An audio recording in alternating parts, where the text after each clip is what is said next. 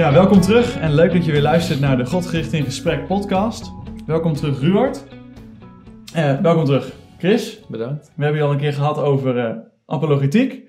Vandaag uh, willen we het dus gaan hebben over psychiatrie en, en de christen eigenlijk. Hoe wij als christenen ook tegenaan moeten kijken. Um, het is voor jou ook wel iets wat heel dicht staat bij een vakgebied. Je bent psychiater, mm. je hebt ervoor gestudeerd. Um, dus nou ja, ik denk interessant om, om daarover te spreken. En ik denk om te beginnen eigenlijk de, de, de vraag die misschien bij heel veel mensen wel speelt is... Um, waarom is, is psychiatrie, is uh, dit hele onderwerp iets waar christenen over na zouden moeten denken? Hmm. Waarom is het een belangrijk onderwerp? Ja, ik denk sowieso dat er een bepaald stigma wel in een deel van de christelijke wereld, ook in Nederland, ligt op het hele concept van psychiatrie. Hmm. En dat dat wel, uh, kijk, psychiatrie is überhaupt wel een een concept met een stigma. Hè? Dus ook in Nederland gewoon, als iemand uh, naar de psychiater gaat, is er wel denk ik een grotere drempel überhaupt om dat te vertellen aan andere mensen mm. dan als je naar de internist gaat voor je suikerziekte. Ja. Dus ik denk dat er sowieso een bepaald stigma zit uh, op, op het idee dat er iets mis zou zijn met je hersenen. Hè? Wat, wat een beetje een simplistische weergave is van zaken. Maar en dat is bij christenen misschien nog wel meer, omdat um, nou ja, de christen gelooft dat de mens meer is dan alleen zijn lichaam. Hmm. En dat, dat, dat het ik, zeg maar, hè, wie ik ben, is meer dan alleen maar mijn hersenen. Dus een christen gelooft per definitie niet dat ik ben mijn brein, zeg maar. Nee. Hè, wat Swaap eigenlijk uh, in zijn boek uh, aangeeft. dat geloven wij niet. Hè? Dus we geloven dat de mens zowel een materieel als een immateriële hmm. component heeft dus de ziel en uh, het lichaam, of de geest en het lichaam. Um, ja, en het idee dat, je, dat daar iets mis zou kunnen zijn in je denken of in je voelen of in je uh, gedrag, zeg maar, wat te maken zou kunnen hebben met een psychische stoornis, dat is voor de christen wel een heel beladen onderwerp. Mm.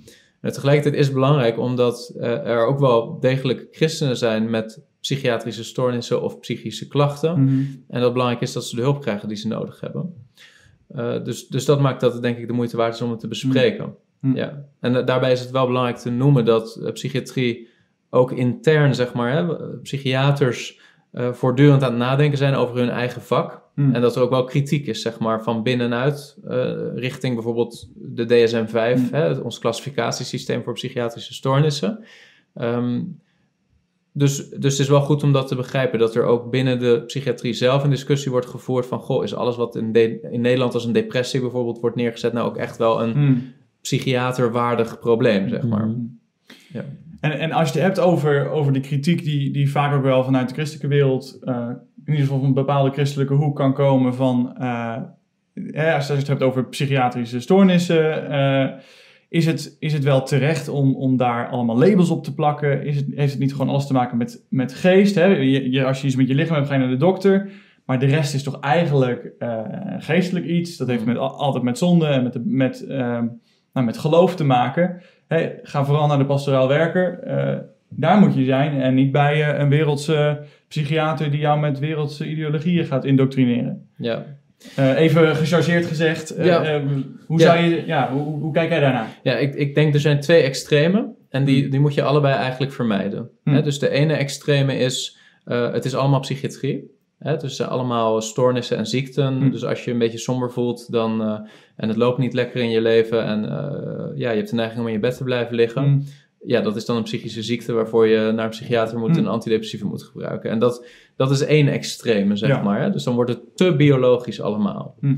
De andere extreme is om te zeggen, ja, dit is gewoon iets waar de, hè, alle, alle psychiatrische stoornissen, zeg maar tussen aanhalingstekens, hm. of dat je nou uh, schizofrenie uh, symptomen hebt, of een bipolaire stoornis of autisme, het zit allemaal tussen je oren in de zin van dit kun je ook wel wegpraten, zeg maar, met een pastoraal mm. medewerker. Mm. Dat is ook echt een andere extreme die niet mm. waar is. En daar zit een hele hoop tussen. Ehm, kijk, ik denk dat het belangrijk is om te beseffen, aan de ene kant in een seculiere samenleving zoals Nederland, hè, die steeds verder van het christelijk geloof af is, steeds minder mensen gaan naar de kerk, is de neiging heel sterk als, ja, als dingen niet lekker lopen in je leven en daar kunnen allerlei maatschappelijke redenen ook hmm. voor zijn. Hè? Bijvoorbeeld de individualisering, waarbij je steeds minder geïntegreerd bent in een sociale gemeenschap hmm. als een kerk. Steeds meer gewoon bezig bent met je eigen leven. Hmm. Ja, een mens is niet gemaakt om zo te leven, zo solistisch.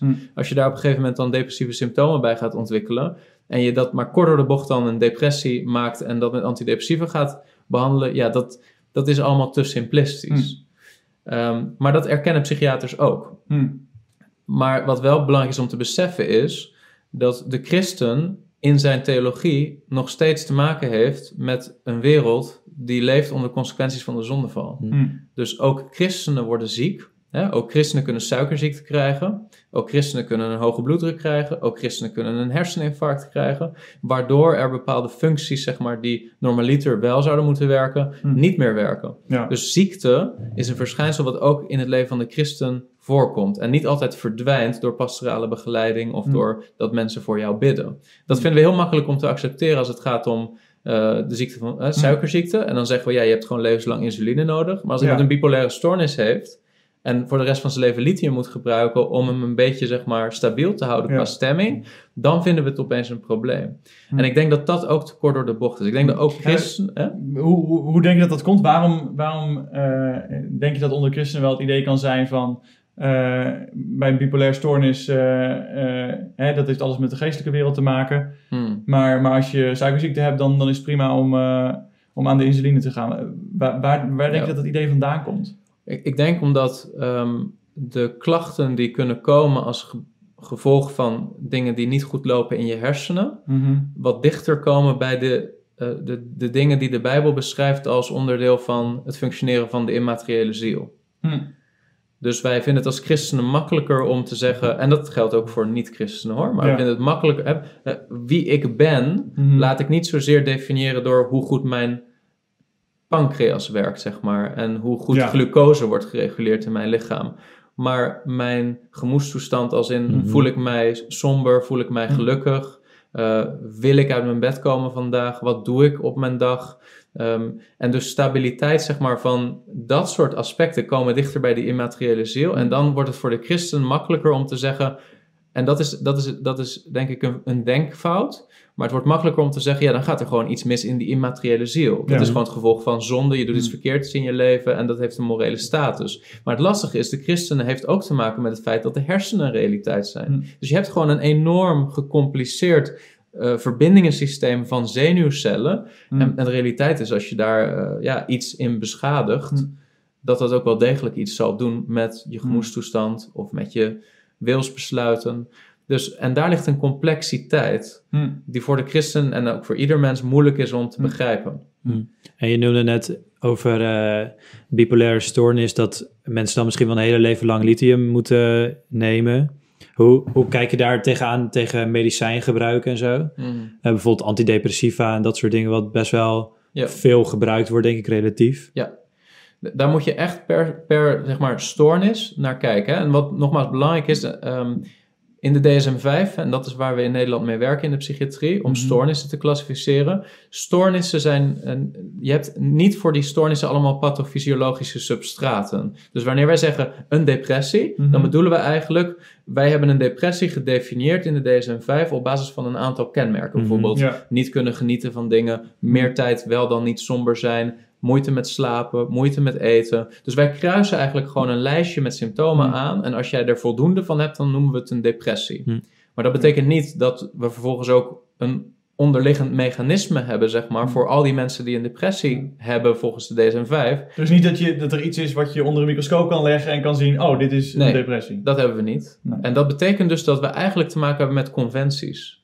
Dus we hebben als psychiaters en als mensen hebben we met elkaar afgesproken, dit, dit is een syndroom wat we vaker zien, hè? een bipolaire stoornis. Dan Mm. kijk je eigenlijk naar een fenomeen waarbij je ziet van, hé, hey, deze persoon heeft soms perioden in zijn leven dat hij zo depressief is dat hij niks meer doet. Hij werkt niet meer, hij heeft geen Mm. zin meer, hij eet niet meer, hij slaapt eh, slecht, hij heeft geen energie. En vervolgens een paar weken later gaat het weer goed met hem, functioneert hij een tijd. En dan een paar weken later zie je opeens dat hij geen slaapbehoefte meer heeft. Maar nu is hij enorm energiek, denkt hij heel de wereld aan te kunnen. Geeft hij al zijn geld uit, zeg maar, aan dingen die hij eigenlijk helemaal niet kan betalen. Sluit hypotheken af, et cetera. Dus, en vervolgens zakt hij weer terug in zijn depressie.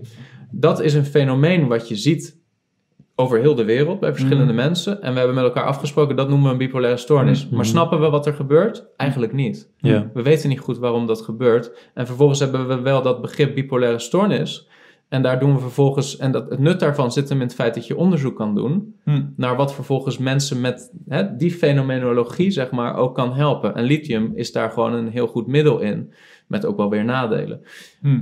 Dus per concept in de DSM-5 zou je eigenlijk moeten kijken, is dit, dekt dit de lading? Mhm. En als je het hebt over de depressie, dan heb je het over een die heel vaak misbruikt wordt, denk ik. Mhm. Mhm. Hè, Er zijn heel veel mensen in Nederland die geclassificeerd worden met een depressie, die lang niet allemaal hetzelfde probleem hebben. Ja.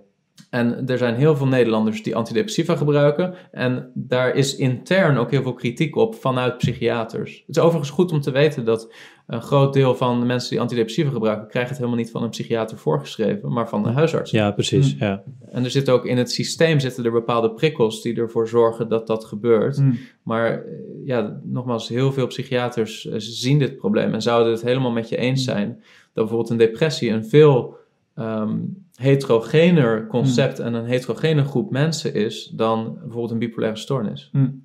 Ja, Hey, je, je noemt een beetje het gevaar van eh, eigenlijk doen alsof eh, alles maar een geestelijk iets is en dat we eigenlijk niet eh, eerlijk kijken naar, naar gewoon de aspecten wat plaatsvindt in je hersenen. Net als, Mm. net als dat je een lichamelijke eh, aandoening kan hebben, dat je eh, eh, ook gewoon een psychische aandoening kan hebben. Dat dat, dat gewoon de praktijk is. Hè, dat is een gevaar dat we daar als christenen eigenlijk eh, in doorschieten.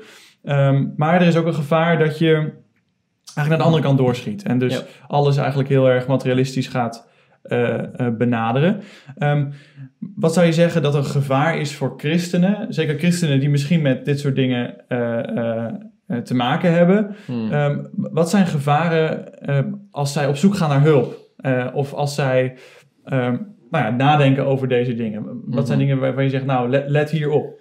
Nou, kijk, ik denk op zich dat als je over het algemeen is zoeken naar hulp iets goeds. Hm. Als je als christen worstelt met psychische klachten, ik, ik zeg altijd zoek gewoon hulp. En ik spoor ook heel vaak christenen aan die worstelen met Hmm. dit, eigenlijk een beetje deze tweesplitsing van moet ik nou bijvoorbeeld hulp vanuit de kerk zoeken Hmm. voor mijn klachten Ja. of moet ik hulp zoeken in de GGZ? En heel vaak zeg ik, waarom doe je het niet allebei? Waarom ga je niet en naar de pastoraal medewerker? Hmm. Probeer dat eens eerst en kijk eens waar het je brengt. Maar als je op een gegeven moment samen met je pastoraal medewerker op een punt komt dat die pastoraal eh, Hmm. hulpverlener ook zegt van ja, ik weet niet wat het is, maar ik kom niet verder met je. Hmm. Ondanks alles wat ik uit de kast trek, zeg maar, al mijn bijbelse counseling Ja. kennis, ik kom niet verder. Jij blijft worstelen met bijvoorbeeld Hmm. het horen van stemmen of je blijft worstelen met somberheidsklachten of dat je dan ook een, een psychiater inschakelt. En ik, ik, zou, ik zou je adviseren als je dat kan doen en je hebt daar meer vertrouwen in om een christenpsychiater dan vervolgens raad te plegen. Maar die zijn niet altijd, altijd beschikbaar. Hè? Er is een enorme schaarste nog aan eh, psychiaters. Overigens zijn er heel veel psychiaters in Nederland, maar Hmm. de, de hulpvraag is nog groter dan het, eh, Hm. dan het hulpaanbod, zeg maar. Hm. Ehm, dus die, die, die christenpsychiater is niet altijd beschikbaar, maar ook een algemene psychiater, als het een goede psychiater is, kan denk ik rekening houden met jouw wereldbeeld, ook jou helpen.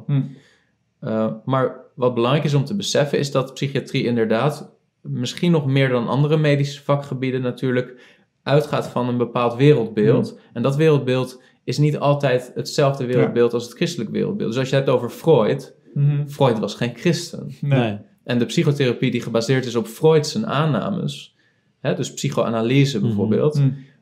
ja, dat, dat is moeilijk om als christen, denk ik, daarin mee te gaan. Hm. Eh, dus wat dat betreft, denk ik, is het wel goed om voorzichtig te zijn. Hm. Tegelijkertijd is ook de wetenschap inmiddels al wel weer wat verder dan Freud. Ja, precies. Hè? Dus, ehm, en er zijn ook een hele hoop seculiere psychotherapievormen die eigenlijk Hm. heel erg lenen van bijbelse ingrediënten, bijvoorbeeld van de manier waarop Jezus iemand Hm. in zijn nood toespreekt, zeg maar. Ja. Dus je zegt wel, eh, ook, je moedigt ook christenen aan die er zelf mee worstelen om echt hulp te zoeken. Dat dat echt eh, belangrijk is. Ja. En dat ze ook niet ehm, zich, zich in, in een bepaalde hoek moeten laten duwen van eh, dat het bij wijze van spreken uitgedreven moet worden. Eh, en dat, dat, hè, dat, dat het een realiteit kan zijn dat het iets Mhm. is wat eh, Ja. gewoon psychisch is en niet per se eh, geestelijk. Ja, ja, dat denk ik wel. Ik denk het is goed om hulp te zoeken. Ik denk dat het heel bijbels is om hulp Hmm. te zoeken. Hulp zoeken is in feite ook de eerste, de eerste stap zetten om je probleem actief aan te gaan pakken. Hm. Dus in die zin is hulp zoeken denk ik altijd goed. Uh, het nadeel is natuurlijk dat als je te veel uh, in de psychiatrie constateert dat er een ziektemodel is mm. eigenlijk, maar dat er eigenlijk ook wel sprake is van zonde in iemands leven. Mm. Hè? Dat iemand bepaalde zondige keuzes maakt. Hij leeft ja. zonder God. Hè? Hij zit inmiddels in zijn derde huwelijk.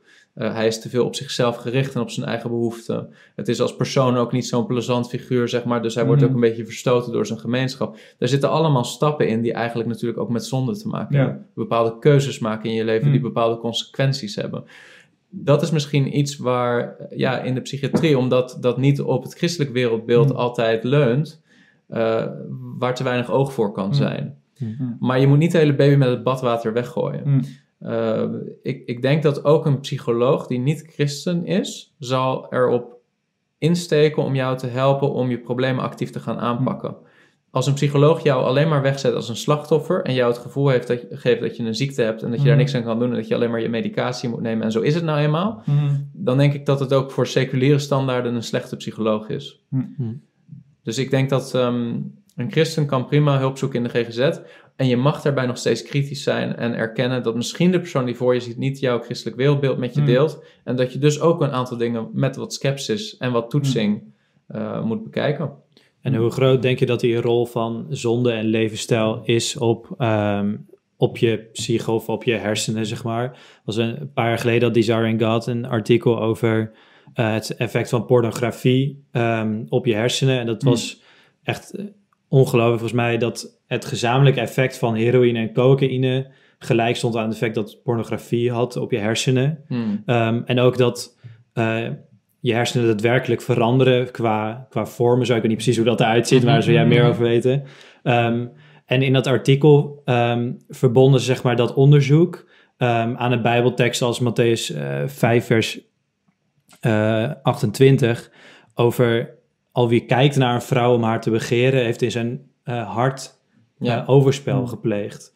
En, en dan was hun link, zeg maar, zie je dat uh, wat we fysiek doen in mm. dit leven heeft effect op ons geestelijke hart. Ja, en dat is, want nu noem je de seksverslaving eigenlijk. Hè, ja. als een, uh, en ik denk dat dat een heel mooi voorbeeld is van waar eigenlijk uh, zondige keuzes en zondig gedrag je kan laten afglijden in een cirkel, zeg maar in een negatieve spiraal, mm. waarbij inderdaad op een gegeven moment je zo eigenlijk je ingeschapen beloningssysteem verpest hebt, zeg maar dat het inderdaad uh, een verslaving wordt waar je uh, zekere hulp bij nodig hebt om er weer uit te komen. Mm. Maar ja, verslaving is überhaupt natuurlijk een overlappend concept met de Bijbelse visie. Want mm-hmm. Jezus zegt ook, en ieder die de zonde doet is een slaaf van de zonde. Mm. En uh, in de hulpverlening, er is een zogenaamd Minnesota-model, of de, het 12-stappenplan bij het helpen van een verslaafde. En de eerste stap is het erkennen dat je het niet zelf kunt loslaten en mm. dat er een hogere macht nodig is. Dus in die zin zie je ook wel overlap, zeg maar. Ja. Um, dus dat, de seksverslaving en eigenlijk alle verslavingen, ja, daar zit, dat raakt heel erg zeg maar, met een bijbelse visie op zonde en verslaafd zijn. En ik denk dat met name verslaafden ook echt de bovennatuurlijke kracht van God vaak mm. nodig hebben om daaruit te komen. En daarom, zoals je weet, werk ik zelf bij de hoop. Mm. En bij de hoop is men zich daar ook wel van bewust, zeg mm. maar. Um, ja, in, in seculiere verslavingszorg doen ze ook hun best. Eh, om mensen te helpen. En soms lukt dat en soms niet. Hm. En vaak ook niet.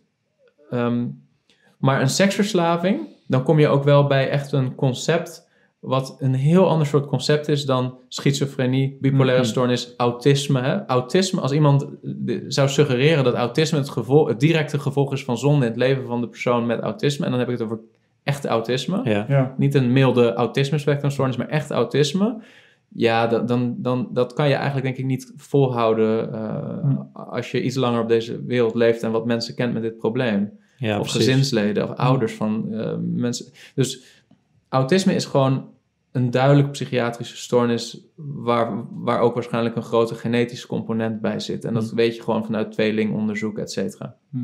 De seksverslaving is een totaal ander concept. En dat is veel overlappender, zeg maar, met geestelijke problemen, denk ik. Ja. Dus daarin zie je heel erg onderscheid als het ware tussen twee verschillende soorten met uh, qua oorzaak ja. uh, die onderliggend is aan het, aan het probleem. Ja. Hmm. Hmm. Hmm. Hey, en, en als je, um, als je christenen tip zou, zou moeten geven, of, of een, een, laten we zeggen, een paar dingen zou willen, willen meegeven die ze als ze over deze problematiek nadenken, um, die ze niet moeten vergeten hierin. Of dat ze dat, ze dat goed voor ogen moeten houden. Mm -hmm. uh, hè, om, om niet inderdaad te vallen aan een van die extremen. Of eigenlijk eh, hele niet eh, zinnige, niet nuttige dingen gaan zeggen tegen iemand die ermee worstelt, bijvoorbeeld. Ja. Ehm, hoe zou je voor mensen die, die zelf er misschien niet mee worstelen en zoiets hebben van, hè, maar eh, je moet gewoon Ja. wat meer ritme, discipline en je Bijbel lezen en dan lukt het wel. Ja. Bijvoorbeeld, wat, wat zijn tips die je zou kunnen geven voor mensen die er zelf misschien niet mee worstelen? Nou ja, ik denk allereerst luisteren naar iemand. En, en dat helpt soms al enorm. Hè? Dat weten we ook in de psychiatrie. Dat, eh, dat oordeelsvrij luisteren naar iemand zijn verhaal. Mm. Dat dat heel belangrijk is. Ik denk dat dat ook is wat Jezus modelleert, zeg maar. Hè? Dat Mm. Jezus, eh, tuurlijk, in zijn alwetendheid en zijn goddelijkheid eh, confronteert hij ook. Hmm. Maar ik denk stap 1 voor ons, zeg maar, ook in onze beperktheid, Mhm. is om te luisteren naar iemand. En wat is iemands verhaal? Hmm. Ehm, ik, zou, ik zou de christen willen eh, adviseren van eh, zie psychiatrie niet als iets werelds. Hè? Ik denk, ik heb dat vaker gezegd, maar ik denk dat eh, christen zijn en psychiater zijn voor mij is prima met Hmm. elkaar te verenigen. Ja, je zeg zei maar. zelfs dat, je, dat het eigenlijk als christen ben je eigenlijk beter in staat om die twee te Ja, verenigen. ik, omdat ik je- denk omdat je uiteindelijk een, een kloppend wereldbeeld Mm. hebt. Hè? Dus als je God Ja. erkent, dan krijg je meer oog voor de complexiteit van wat een mens is. Mm. Hè? Zowel zijn immateriële ziel als zijn lichaam. Ja. En dan, hè, wij, wij werken in de psychiatrie met iets dat heet het biopsychosociaal model. Mm. En dat wil zeggen dat we vaak problematiek eigenlijk proberen te benaderen vanuit zowel biologisch, Mhm. psychologisch als sociale factoren. Dus ook de seculiere psychiatrie Mm. erkent dat het niet alleen maar biologie Mhm. is, Hmm. maar ook sociale factoren en psychologische factoren. En ik denk als christen heb je nog een extra en dat is het spirituele. Hmm. Dus, ehm, en als je voor alle vier die aspecten oog hebt, denk ik dat je uiteindelijk het best iemand kan helpen. Hmm. Hmm. Dus en oog hebben voor de zonde en de invloed van de zonde en de, noodzaak van iemand om zich te bekeren en het evangelie te omarmen. Eh, maar in je rol als psychiater kun je dat natuurlijk niet altijd zo brengen, Nee. want iemand komt om hulp eh, en je zit ook niet in een gelijke relatie. Hè? Nee, Iemand- nee. Ergens ben jij natuurlijk ja, de dokter, zeg maar, Mhm. degene die helpt en iemand an- Dus het zou wat oneigenlijk zijn om vanuit die ongelijke relatie, zeg maar, het evangelie zo stellig te prediken tot iemand. En ik denk dat dat ook niet goed is in die zin. Ehm, maar omdat je christen bent en daardoor je hele realiteit door die, vanuit dat christelijk wereldbeeld Hmm. ziet, denk ik dat je uiteindelijk iemand het best kan helpen. Hmm. Omdat je al die factoren ook ziet, zeg maar. Hmm. Ehm, maar dat betekent niet dat een christen niks kan hebben aan een seculiere psychiater. En ik denk dat dat eh, wat mijn ervaring is, en ja, jullie kennen mij ook wel als een christen die, eh, die echt probeert consistent te zijn ook in zijn christelijk leven. Maar mijn ervaring is dat er ook een hele hoop goede niet-christen psychiaters zijn. Mensen die ik echt waardeer, die ook wel oprecht eh, mensen willen helpen. Hmm. En daar kun je wat aan hebben. Hmm. En als je het gevoel hebt dat je geen goede band hebt met je psychiater, of dat hij geen begrip heeft voor jouw christelijk wereldbeeld, dan zoek je een ander. Hmm. En dat zou ik ook adviseren. Zoek gewoon een andere psycholoog. Als je die klik niet voelt, dan werkt de behandeling waarschijnlijk ook niet. Hmm. Dus dan zoek je een ander. En als je een christenpsycholoog kan vinden, ja, dan kan het ook zijn dat je de klik niet voelt. Hmm. Maar als je die kan vinden en je voelt je daar vertrouwder bij, zoek die dan vooral. Hè? Je hebt in Nederland Elios, je hebt De Hoop, je hebt christelijke hulpverleningsinstellingen. Dus dat is zeker ook een optie. En eh, soms kan de conclusie van een intake in de GGZ ook zijn dat er niet echt een psychiatrisch probleem is. Hmm. En dat je misschien beter gewoon met je, voor, met je pastoraal werker weer verder kunt gaan in de gesprekken. Dat mag ook een, een conclusie zijn, denk ik. Maar dan is het nog steeds geen verspilde tijd om die hulp te zoeken en een keer dat gesprek te voeren. Ja. En stel dat er in onze, je hebt in je omgeving een, eh, een broeder of zuster die een bepa- een bepaalde diagnose heeft. Ehm, en, en er komt heel veel zonde in het spel op een gegeven moment. Ehm, hoe geduldig moet je eh, met die broeder of zuster zijn? En ehm, hoe, hoe vaak kun je het accepteren? Zeg maar, misschien haalt iemand dat ziektebeeld wel ook aan als excuus voor die zonde. Ja. Kun je daar altijd in meegaan? Of moet je altijd zeggen, nee, maar zonde... Ik denk dat dit, ehm, ik denk dat dit heel lastig is om dit zeg Mm. maar te Mm. bespreken zonder dat we een heel concreet voorbeeld zouden Mm. bespreken. Want ik denk dat je dat echt op het individu moet afwegen. Eh, we kunnen zondig gedrag niet ehm, steeds verontschuldigen door een ziektemodel zeg maar te introduceren. Dus daar kan je aan de ene kant van de weg afvallen. Mhm. De andere kant is, je kan echt eh, soms missen dat iemand gewoon een bepaalde beperking heeft, die ook hem in zijn gedrag voortdurend in de weg zit. Hmm. En als je hem dan ook nog het label van een zondaar opplakt, ik bedoel, ik ga maar een heel concreet voorbeeld geven. Mhm. Iemand met een angststoornis, hè, en dan specifiek een paniekstoornis, durft niet meer naar de supermarkt te gaan. Ja. Elke keer als hij naar de supermarkt gaat, krijgt hij een paniekaanval. Ja, dan zijn soms christenen die heel kort door de bocht zeggen van, eh, de Bijbel zegt vrees niet. Dus als jij een paniekaanval krijgt in de supermarkt, dan ben je een zondaar. Ja. Dat doet tekort aan de realiteit Mm. van een paniekstoornis. Mm. Hè? Ik denk dat het heel goed is als je een paniekstoornis hebt, dat je een cognitieve gedragstherapiebehandeling krijgt van een psycholoog. Of dat het nou een christen is of niet. Die kan jou gewoon helpen. En die helpt jou vervolgens om jouw angst te overwinnen door Mm. exposure, hè, blootstelling, langzaam weer proberen naar die supermarkt te gaan, kleine overwinningen boeken. Eh, ja, christenen kunnen daarin echt soms wat naïef zijn Mm. door gewoon te zeggen: vertrouw op de Heer, broeder. Ja. Denk ja, maar dat is niet het probleem, zeg maar. Is er dan geen enkele christen die voortdurend met angst leeft omdat hij niet voldoende op God vertrouwt? Die heb je natuurlijk ook. Hm. Die heb je natuurlijk ook. En Jezus vermaant ook heel vaak mensen omdat ze een bepaalde angst ervaren Hm. die voortkomt uit een gebrek aan geloof en een gebrek aan vertrouwen. En daarom zeg ik van die persoon, ik moet ergens zien te beoordelen welke persoon dat is, zeg maar. Hè? Van. Maar over het algemeen zou ik zeggen, wees je ervan bewust dat ook als iemand een zondaar is en zondig gedrag vertoont, dat jij ook een zondaar bent en alleen door Gods genade bent wat je bent. Als jij eh, niet in dezelfde zonde valt, is het omdat God jou vasthoudt. Dus ik denk dat we altijd met een zekere barmhartigheid en liefde Mhm. eh, empathisch mogen confronteren. En ik denk dat er altijd maar twee opties zijn. En de ene is eh, iemand aanbevelen om hulp te zoeken Mhm. bij een in professionele hulpverlening. En anderzijds ja, iemand pastoraal helpen, zeg maar. Als iemand zegt, ja, ik erken überhaupt niet dat er een probleem is, dan, ja, dan kom je eigenlijk niet verder. Hm. Mhm. En dat mag je dan wel problematiseren, denk ik, als de persoon die ernaast staat. Hm. Dus iemand accepteert gewoon, zo ben ik nou eenmaal en zo is het. En er zit een bepaald zondig patroon wat maar door blijft gaan. Dat, ik denk dat je dat niet kan accepteren, zeg maar. Dus ehm, En, en, en wat, maar wat denk je dat dan de oplossing is voor iemand die, die daar best wel in zit en eigenlijk zoiets heeft van, eh, ja, dit ben ik nou eenmaal en het wordt niet beter en ik laat eigenlijk ook de, hè, ondanks dat er misschien wel een, een bepaalde biologische oorzaak zit, eh, laat eigenlijk de, de, de, de, de uitkomsten ervan, de, de resultaten ervan, eh, de gevolgen ervan, laat ik de vrije loop, terwijl die Mhm. gevolgen heel veel schade aan kunnen doen aan anderen. ja, wat zou je zeggen, is daar, is daar een oplossing voor? Dat is, dat is altijd op, op de persoon, zeg maar. Dit is Mm. enorm moeilijk om op, Ja. bij deze clausules allemaal, zeg maar, nog een passend antwoord Nou ja. te gaan geven. Maar ik denk dat je gewoon een aantal concepten en Mm. een aantal richtlijnen nodig hebt. Hm. Ehm, maar dat je echt per persoon moet blijven kijken wat er Mm. speelt. Je kan hier denk ik niet een pasklaar antwoord op geven op deze eh, vraag. En, en als je het hebt over de combinatie van. Je, je hebt bijvoorbeeld een patiënt eh, die, die, ehm, eh, die ergens mee worstelt. Mhm. Ehm, en die is ook christen. En die, die, die vindt het zelf ook moeilijk om die dingen bij elkaar te brengen. Mhm. hè, maar die gaat hulp zoeken. hè. Ja. Ehm, eh, moet, moet diegene dan eigenlijk zijn geloof apart houden van, van, van alles wat hij hoort bij de psychiater? Moet hij dat samenvoegen? Hoe, hoe zou je dat in de Ik praktijk... zou, ik zou in de, met de psychiater gewoon je hele christelijke uitgangspunten bespreken. Hmm, Dus eh, ik zou gewoon zeggen, ik ben christen. hmm, Ik geloof eh, in God. Ik geloof dat Hij mij eh, draagt.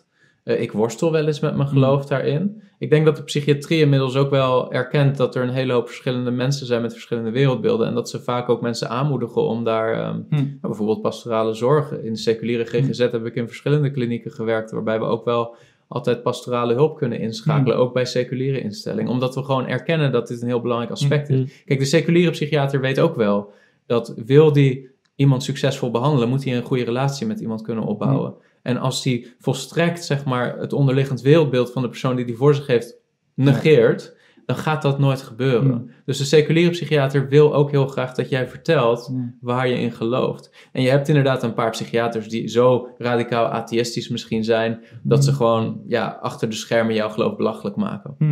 Eh, en, en zich daar helemaal niet eh, in herkennen. En dat zou soms kunnen doorcijpelen in het gesprek. En dat zal je dan voelen als christen. En dan is het misschien beter om een andere psychiater te zoeken. Maar een goede psychiater zal altijd een stuk respect hebben voor jou in jouw christen zijn.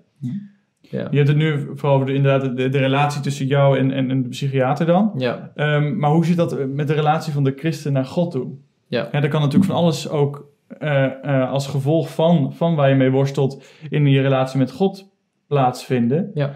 Ehm, maar waardoor het dus nog verstandig is om naar een psychiater, psychiater te gaan. Ja. Wat zou je misschien een, een- iemand die daarmee worstelt aanraden om, om, als het gaat om zijn relatie met God te doen? Nou, soms kan jouw relatie met God ook heel erg gekleurd worden door de manier waarop relaties met mensen in jouw leven hebben plaatsgevonden. En dan bedoel ik met name bijvoorbeeld hechtingsproblemen Hmm. als kind. Hè? Dus de manier waarop je als kind in contact komt met je primaire verzorgers, hè? je Hmm. ouders. Dus Ja. in de eerste twee jaar van je leven heel belangrijk. Voor de, eigenlijk voor de rest van het leven, Hmm. voor de manier waarop je je hecht aan andere mensen. Maar dat kan wel vervolgens ook jouw godsbeeld weer heel erg inkleuren. Waardoor sommige mensen echt vast komen te zitten in hun relatie met God. Omdat bijvoorbeeld hun vader hun seksueel misbruikt Hmm. heeft. Of hun vader eh, hun mishandeld heeft. Of moeder. Hè? Hmm. Dus de mensen waar je toen van had moeten zien van wat een gezonde vertrouwensrelatie Hmm. is met een ouder. Die kunnen je in die zin zo beschadigd hebben. Dat het nog heel moeilijk is om de liefde van God te ervaren bijvoorbeeld. Hè? Je weet het wel, maar je Ja. voelt het niet. Ehm, dus die, dat is een wisselwerking. Hmm. En soms kan het heel erg helpen om ook, ook met een seculiere psycholoog Hmm. een psychotherapie-traject in te gaan, waarbij je op een gegeven moment leert een andere relatie, zeg maar, een andere hechtingsstijl eigen te maken. En dan zou je zien dat dat je ook in je relatie met God vervolgens weer heel erg verder helpt, omdat je begint te zien dat Hmm. God een vader is Hmm. en een goede vader. Maar je begint dat ook weer te voelen. Hmm. Dus er zit een wisselwerking, zeg maar. Het is belangrijk om te begrijpen dat alleen maar de goede theologie hebben, betekent niet altijd dat je God ook ervaart, zeg Mhm. maar, Mhm. in je dagelijks leven, in je emotioneel leven, eh, als de persoon die hij is, zeg maar, als de vader die hij is. Hmm. Dus er zit een wisselwerking in. En ehm, ik bedoel, ik ben zelf overtuigd christen. Hmm. Maar in mijn opleiding tot psychiater heb ik 50 uur psychotherapie zelf ondergaan. Dat is onderdeel van je opleiding. Mhm. Dus ik heb 50 uur lang eh, psychotherapie gehad. En ik weet helemaal niet of dat de persoon die mij psychotherapie gaf, mijn wereldbeeld deelde of niet. Mhm. Maar ik heb er enorm veel aan gehad. Hmm. Ook in mijn christelijke wandel. Mhm. Omdat ik ja, bepaalde dingen in mijn persoonlijkheid zag, die ook mijn beeld van God beïnvloeden. En waarvan ik dat kritisch begon te bevragen. Had ik dat ook kunnen ervaren als ik met een pastoraal medewerker had gesproken? Misschien wel. Misschien wel. Maar het punt is, ik heb zelf ook dus ervaren dat psychotherapie kan helpen. Hmm. Kan het ook schadelijk zijn? Ja.